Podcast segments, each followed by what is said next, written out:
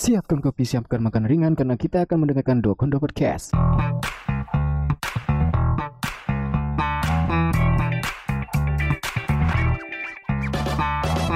Assalamualaikum warahmatullahi wabarakatuh. Selamat datang di Dua Kondo Podcast.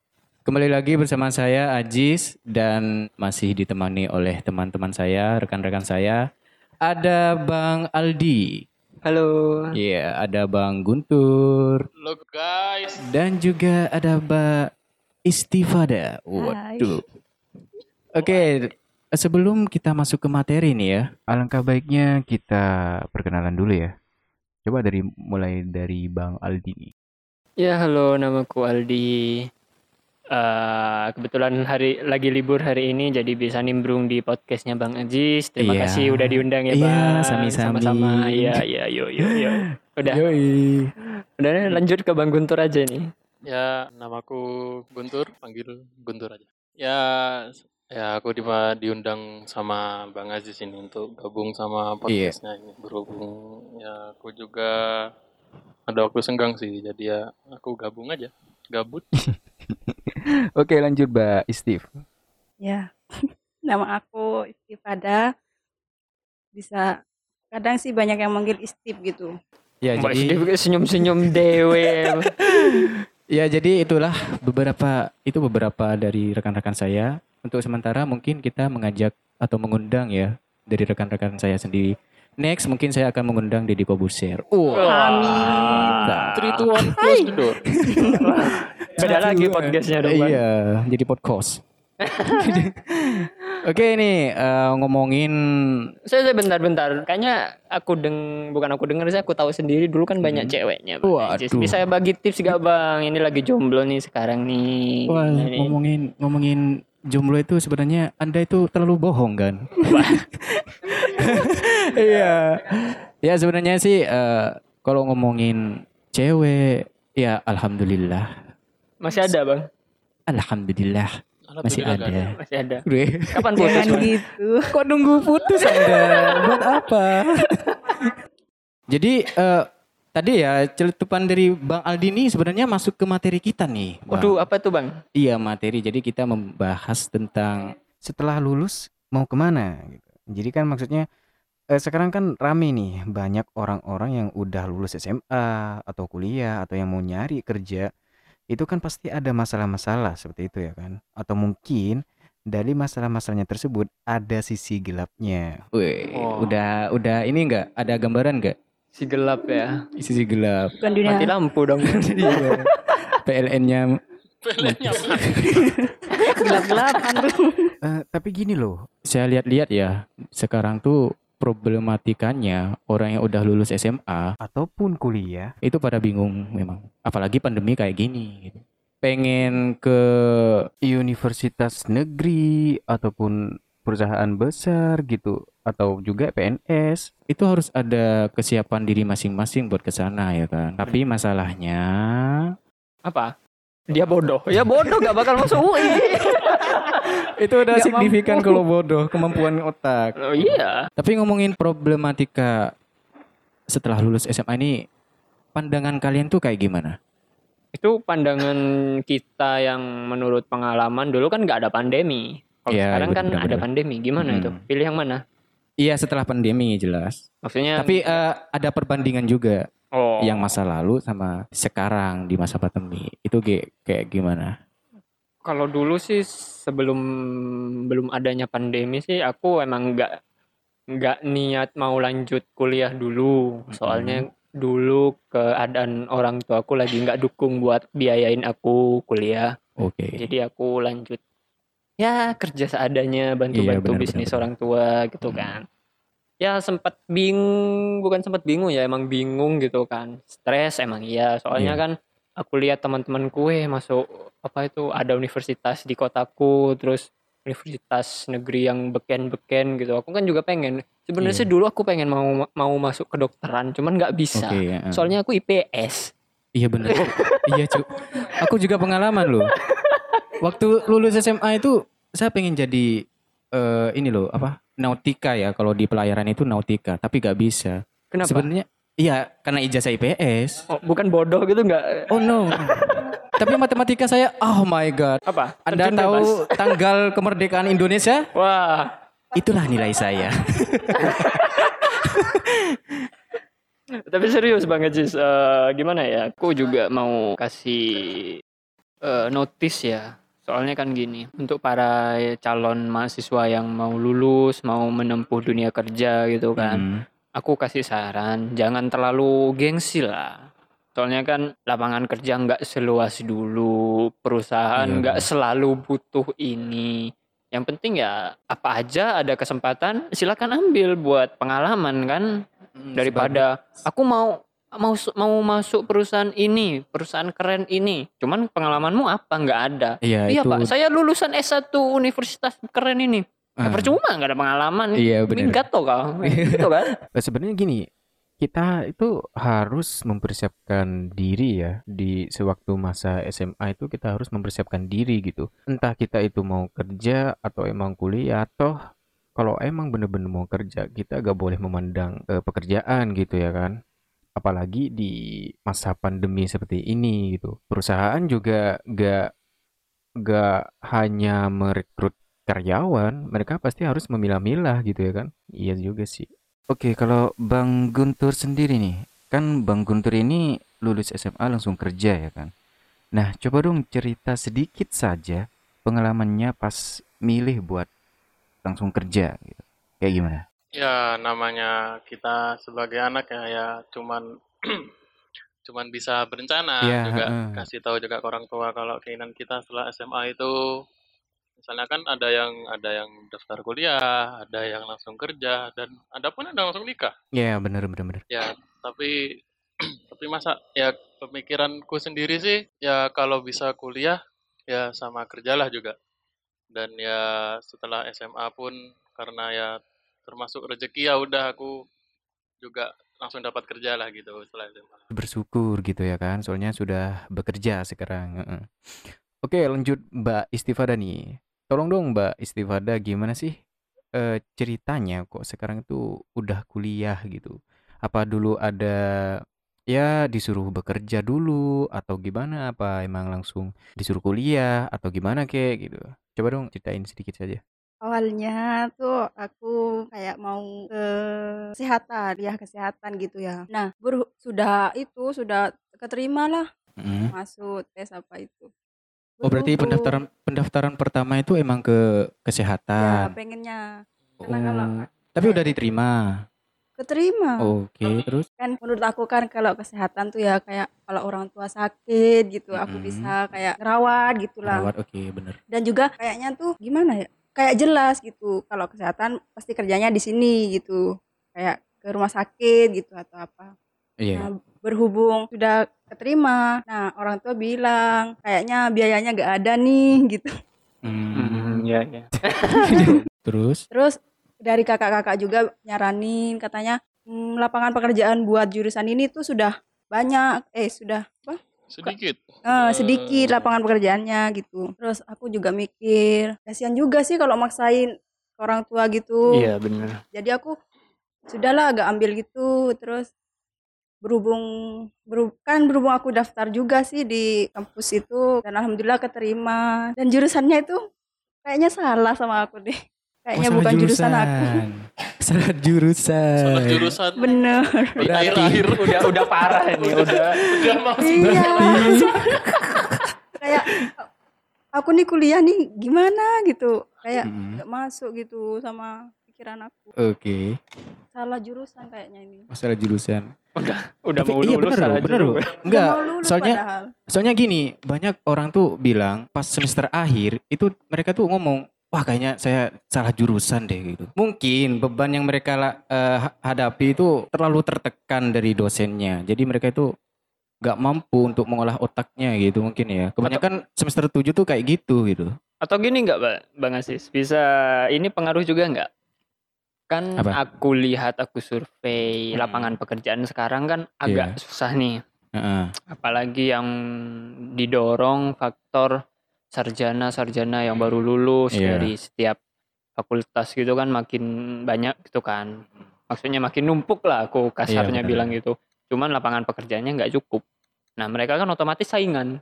dari Iya. universitas ini ini ini mungkin dari setiap dari salah satu oh, mahasiswa gue mikirnya wih kok kok jurusan ini kok susah cari kerjanya ya apa aku salah jurusan Nah, iya, itu bisa, kan kayaknya bisa. bisa, jadi Bisa jadi jadi si itu. mentalnya belum siap gitu kan bang Aziz Ya, menurutku itu semua jurusan itu aslinya itu baik. Semua itu pasti ya Iya. pasti ada lapangan pekerjaannya sendiri lah. Iya, benar-benar.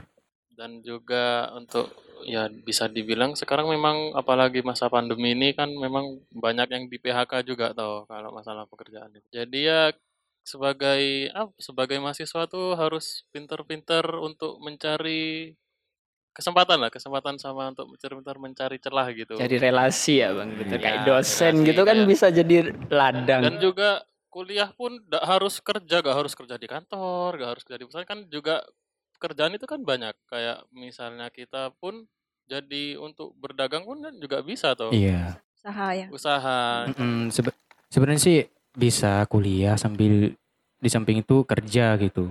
Yang tujuannya mungkin hanya untuk mencari pengalaman atau hanya sebagai eh, batu loncatan gitu. Tapi sekarang banyak orang bilang kalau gak ada orang dalam gak akan kerja gitu.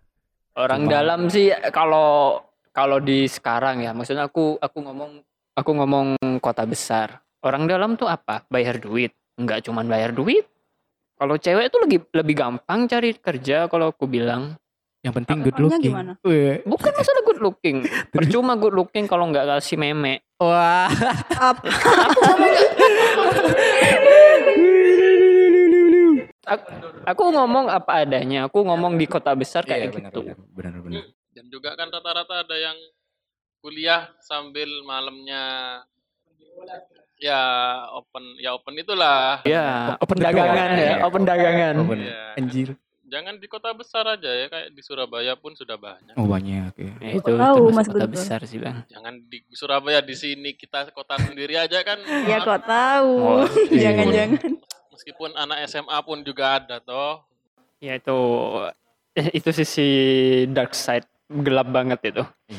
Harusnya kita rahasiakan cuman nggak bisa sih kayaknya dirahasiakan lagi ya Iya, biar orang-orang tuh tahu. Iya, Gitu. aware. Iya. jadi apa ya eh jangan gimana ya aku bilang sekarang tuh cewek tuh terlalu menjadikan dirinya sebuah objek benar nggak objek untuk ya objek objek Hmm. Tontonan. iya benar kan Mm-mm. aku tanya cewek kalau jelek apa nggak laku kan Yes. otomatis Karena cowok mandang dibuka fisik kan.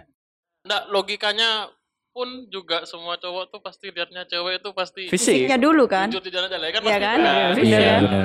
benar. Mm-mm. fisik ya fisik kalah sama kaya kan kalau ceweknya cowok mandang fisik kaya boleh gitu. dong cewek mandang duit. Nggak apa-apa wajar wajar itu Jadi Enggak. itu ada tingkatannya sepertinya. Ada tingkatannya. Kalau nggak cantik, ya minimal body lah oke. oh iya Kalau nggak oke, minim kaya. oh gitu iya kan. Oke. itu udah minimal itu udah nggak Minimal. bisa ditawar itu Udah mentok. kalau udah jelek body krempeng Iya. Miskin lagi ya, Enggak boleh gitu. Iya. Semua kan ciptaannya Tuhan. juga sih Iya, kan benar, percuma benar. Aku- kamu good looking banyak duit tapi kelakuannya kayak kan Nah, ya, attitude-nya.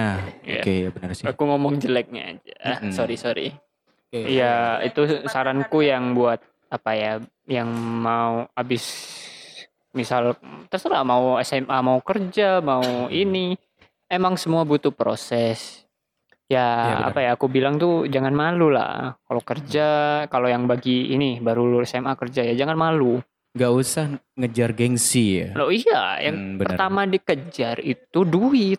Iya benar. Apa-apa tuh ujung-ujungnya duit. Kamu nggak makan Hmm. kalau nggak ada duit. Tapi itu dari orang tua juga dia ngizin orang tua ngizinin anak ini bekerja atau tidak gitu. Nah, iya, cuman Iya. kan kembali ke anaknya juga. Mm-mm. masa masa setiap hari anaknya tega lihat orang tuanya ker- kerja cari duit terus Mm, anaknya leye-leye di kasur nonton Iya. YouTube hahaha PewDiePie gitu Atta Halilintar pakai bandana jadi jadi gelandangan ini enggak enggak et, apa ya kita Jadi- sebagai anak nggak ini. Jadi beban orang tua. Nah, udah beban orang tua, beban, masyarakat. keluarga. Iya benar. Tapi kadang, kadang ada orang itu si anak ini pengen kerja, Hmm. udah lulus SMA nih, Hmm. eh bukan SMA, SMA ataupun kuliah udah lulus ya. Dia tuh pengen kerja, tapi orang tuanya itu pengen anaknya ini kuliah lagi. Di sisi lain, si anak pengen kerja, gak mau kuliah lagi. Soalnya kan kuliah udah bikin ia mumet gitu. Hmm. Kadang ada orang yang berpikiran seperti itu ya kan. Nah itu solusinya kayak gimana? Aku mungkin baru cuman punya contoh ini yang si anak mau kerja cuman sama orang tuanya dituntut eh, apa kuliah Untuk lagi kan. kuliah, Heeh. heeh. Dulu itu kebetulan mantanku sendiri. Oke. Mantanku kan dulu lebih tua dari aku, dia baru lulus S1 di ibu kota. Mm-mm. Terus iya dia pengen kerja. Cuman orang tuanya, "Oh, jangan kamu S2 dulu." Maksudnya kejar titelmu dulu gitu Mm-mm. kan. Oke, terus dia masuk S2, se ekspektasi lah. Namanya kuliah kan pasti sulit. Apa pun pasti ada kesulitannya. Iya benar-benar. Ya, jadi ya kalau menurutku sih nggak it's okay oke aja asal kedua belah pihak merasa nyaman. Soalnya Hmm. sepengalamanku gitu kan mantanku itu nggak nyaman. Maksudnya orang tuanya menuntut anaknya secara terpaksa gitu Ya loh. udah gitu kayak. Hmm, Ya udah aku udah. nurutin orang tua gitu. Heeh. Padahal kan si anak pengen kerja. Si anak tuh pengen kerja soalnya kapan lagi aku mau banggain orang tua. Ya. Emang waktu sih, emang waktu lama. Enggak, siapa tahu besok orang tua aku meninggal. Kan nggak tahu gitu loh. Mm-mm, benar. Pikirnya kayak gitu. Cuman orang tuanya jangan kamu ini dulu ya udah terpaksa ikut. Nah, kendalanya apa? Jadi ke performa yang kuliah, kuliah makin leye-leye, kadang Hmm. nggak fokus, makin kadang gak niat gitu kan. Soalnya dipikirnya itu kayak beban gitu ya. kan? Iya, Dibebani sama orang tua. bukan Nah, nggak niat sih, sesuatu lebih yang- ke terbebani. Terbebani ujung-ujungnya sakit, terus Hmm. Kalau terpaksa tuh wes gak enak itu. nah Iya. iya apa pun yang dipaksa tuh pasti Iya. sakit, nggak enak. Harus ada pelicinnya dulu gitu ya. Ya ya back to the topic ya pokoknya gitulah jadi ya umur makin terkuras belum belum sempat berkarir apalagi di zaman kayak gini kan tambah tambah lawas ya tambah lama gitu kan terus Hmm. ya inilah secara logika gini misal lagi kuliah terus diajak nikah nggak fokus fokusnya ngewe aja terus Yoi. eh, jaga anak gitu misal punya Iya. anak suaminya gitu Tapi kan ada. Gue tuh kenapa gak terima bilang ngomong depan sini? Tapi kan banyak juga sih. Juga yang setelah Yang dia- kuliah sambil kuliah nikah, sambil nikah. Itu bisa juga sih. Bisa kalau orangnya ini Bisa bisa waktu. membagi waktu. Tapi gitu kan. gini, sepengalaman saya waktu kuliah itu ada juga yang nikah. Udah nikah, kuliah terus nikah. Tapi dia itu lebih banyak absennya. Nah, Lebih banyak absennya. Soalnya lebih milih keluarganya dia, dia juga punya anak. Dia lebih ngurusin itu loh. Dari pengalaman aku sih juga ada temen yang udah nikah juga kuliah. Tapi dia jago sih kataku memanage waktu. Nah. Kayak dia hamil aja masuk gitu. Kayak Mm. malah yang nggak nikah ini yang males. Jadi eh, memang banyak problematika ya sehabis eh, kuliah itu entah dari orang tuanya, entah ia sendiri yang males pengen kuliah tapi pengen kerja gitu. Tapi kalau ngomongin gelar, misalkan udah S2 nih, disuruh orang tuanya kuliah S2, S3, itu buat peluang kerja besar nggak? Ini Hmm. jadi pertanyaan memang. Ada yang kuliah tinggi-tinggi, S2, S3, tapi dia masih nganggur. Nah, itu kayak gimana pandangan kalian? Ah, gimana ya? Aku soalnya nggak kuliah nih. Ya apa ya, ada juga itu kembali lagi ke nasib juga sih. Dan juga tapi tapi gak tapi kita juga harus menuntut ilmu setinggi-tingginya karena kan Iya. semakin tinggi ilmu kan pikiran kita itu kan semakin terbuka sama apa sama lingkungan kita. Jadi gak ada salahnya untuk menuntut ilmu sampai mau S3, mau sampai kamu keluar negeri mencari gelar doktor atau apalah itu kan enggak apa-apa. Dan juga selain gelar ya harus harus meningkatkan apa namanya? Ya? Kompetensi. Ya, kompetensi kayak pengalaman juga kayak ya circle-nya juga kan berbeda juga. Kayak pertemanan juga kan juga berbeda tuh. Semakin Iya, benar, benar, tinggi kamu menimba ilmu kan semakin pertemananmu kan semakin berbeda. jadi ya itu tidak ada salahnya kamu menuntut ilmu setinggi tingginya itu Iya, Ini, kalau aku pernah orang tua juga nyuruh setelah lulus ini kan aku pengennya kerja gitu ya. Sudah bosen gitu menerima pelajar, sudah kerjain tugas gini-gini. Pengen yang langsung kerja gitu. Tapi orang tua pernah nyuruh juga coba dulu S2 siapa tahu rezeki gitu. Tapi harus cari beasiswa gitu-gitu tapi apa daya kalau otaknya agak mampu gitu terus juga kalau agak dari keinginan sendiri Iya, gitu banyak pasti gak enak emang iya sih banyak eh, mahasiswa itu ngejar beasiswa ya buat Nah, meringankan bener. beban orang Hmm. tua. Heeh. Oke, meskipun beasiswa, cuman kan kadang ada apa ya? Mungkin orang tuanya nggak mampu atau Iya. kondisi ekonominya lagi seret gitu kan. Mm-mm. Nah, untuk di kota besar tuh kebanyakan apa ya? Kalau cowok aku nggak tahu ya, mungkin kerja gitu. Kalau cewek itu lebih ke negatifnya kebanyakan. negatifnya gimana tuh Kenapa Om? Eh, Om apa? kalau cewek negatif gimana Ya, aku nggak ngomong semua, cuman kebanyakan yang aku tahu cewek teman-temanku gitu tuh pada kerja juga. Cuman kerjanya tuh beda dari yang kerja yang biasa tuh beda. Pagi, siang gitu ya kuliah. malamnya ngapain Malamnya ngapain? Ya nggak tahu. Malamnya tuh malamnya tuh ini sering kadang eh, aku tanya gitu kan. Yang kamu cukup ini kan. Sebenarnya sih nggak cukup. Cuman gimana? Aku mau minta orang tua tuh malu. Orang tua aku lagi kayak gini, gini, gini. Sedangkan aku mau apa ya? Mau membahagiakan mereka dengan aku serius kuliah. Oke, itu bagus. Iya bener. Terus aku, kamu jajannya gimana? Ya, jadi jadi gula gitu kan. Jadi gula. Heeh, terus kalau nggak jadi gula ya buka dagangan kalau malam gitu kan. Iya. Aku aku bilang kayak gini soalnya apa ya? Udah marak bukan rahasia umum, bukan rahasia lagi gitu. Udah terkuak ke umum. Cuman ya masih pintar-pintarnya mereka nge- nyembunyiin gitu. Ada yang jadi gula, ada yang buka dagangan, ada pun yang ngematre sama cowoknya gitu. Jadi ya nyari cowok yang punya duit gitu lah. Ya dipacarin biar ngidupin di waktu kuliah gitu kan. Kan bisa kayak ngehemat Tapi lah tuh intinya. karena buat kebutuhannya enggak sih Nah maksudnya iya kayak kebutuhan. kan banyak sih kayak yang kuliah di luar itu apa penampilannya itu loh Oh itu bukan kebutuhan. itu gengsi Itu lebih ke Lifestyle. nah lifestyle. ya lebih mengikuti yang punya gitu loh Heeh. Ya pakai wah HP-nya nah iPhone bener iPhone 12 aku kok HP-nya Android kameranya satu ya Iya, jadi Bang mungkin karena ini. itu jadi dia kayak gitu maksudnya kerja gitu terus mematre ke cowoknya Iya oke. Oke eh, sebagai penutup nih ya, eh, ada nggak pesan-pesan bagi ya calon mahasiswa dan calon pekerja yang mungkin udah mau lulus hari, eh, tahun ini itu kayak gimana? pesanku ya untuk para pelajar yang mau masuki kuliah kuliahlah sesuai apa yang kamu mumpuni jangan cuma kamu ikut-ikut kuliah ah temanku jurusan ini aku jurusan Iya, ini ah gitu. benar, benar. Ya, Sesuai passion gitu sesuai ya. passion lah Iya, ya iya.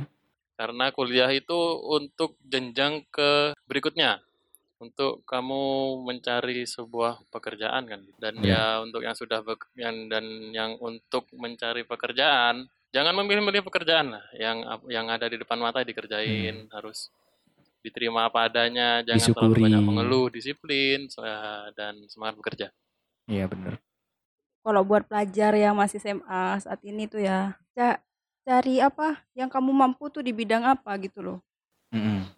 Asah sejak dini gitu Mm-mm, biar benar, nanti benar. kalau udah mau lulus ting- tinggal enak gitu kita mau Mm. ambil apa apa gitu Iya. Jadi tertata seperti nah itu ya. bener Mm. jangan malas-malesan di nah SMA Iya. jangan hanya cinta-cintaan gitu di SMA Jangan Karena kita udah pengalaman sendiri Nah, ya kan. Saya benar. tersinggung ini. ya jangan sampai kayak saya salah jurusan gitu lulus nanti nilai UN-nya habis jadi nilai. Ya gitu biar lebih tertata nanti. Jadi gak bingung gitu atau sampai mau lulus gini pas bilang salah jurusan gitu. Ketika pilihan kalian memilih apa yang kalian pilih jangan disesali gitu ya kan? Nah, ya bener. karena itu udah pilihan kalian gitu ya kan? Makanya udah sebelum jalannya. milih harus ditata sejak dini gitu ya, ya kan? Menurut Mbak Istifada. Oke menurut Mbak Al eh Bang Aldi nih. Ya, menurutku sih gini aja. Kayaknya dari dua temanku itu wes udah mantap semua, dipersiapkan amin, dan amin. ditata sejak SMA. Hmm. Terus bagi yang kerja ya gimana ya? Hidup memang pilihan. Jadi jangan patah semangat lah. Ada apa-apa jangan sambat, jangan ini. Nangis iya. nggak apa-apa, nangis sehari, dua hari udah habis itu lanjut lagi. Fokus ke depan lagi. Iya benar. Iya. Kalau aku bilang tuh prinsip kacamata kuda. Kacamata kuda lihat ke depan terus kan? Oh iya benar nah, benar. Tapak besi juga. Oh. Ya kayak gitulah menurutku. Oke, jadi seperti itu ya. Hmm. Oke.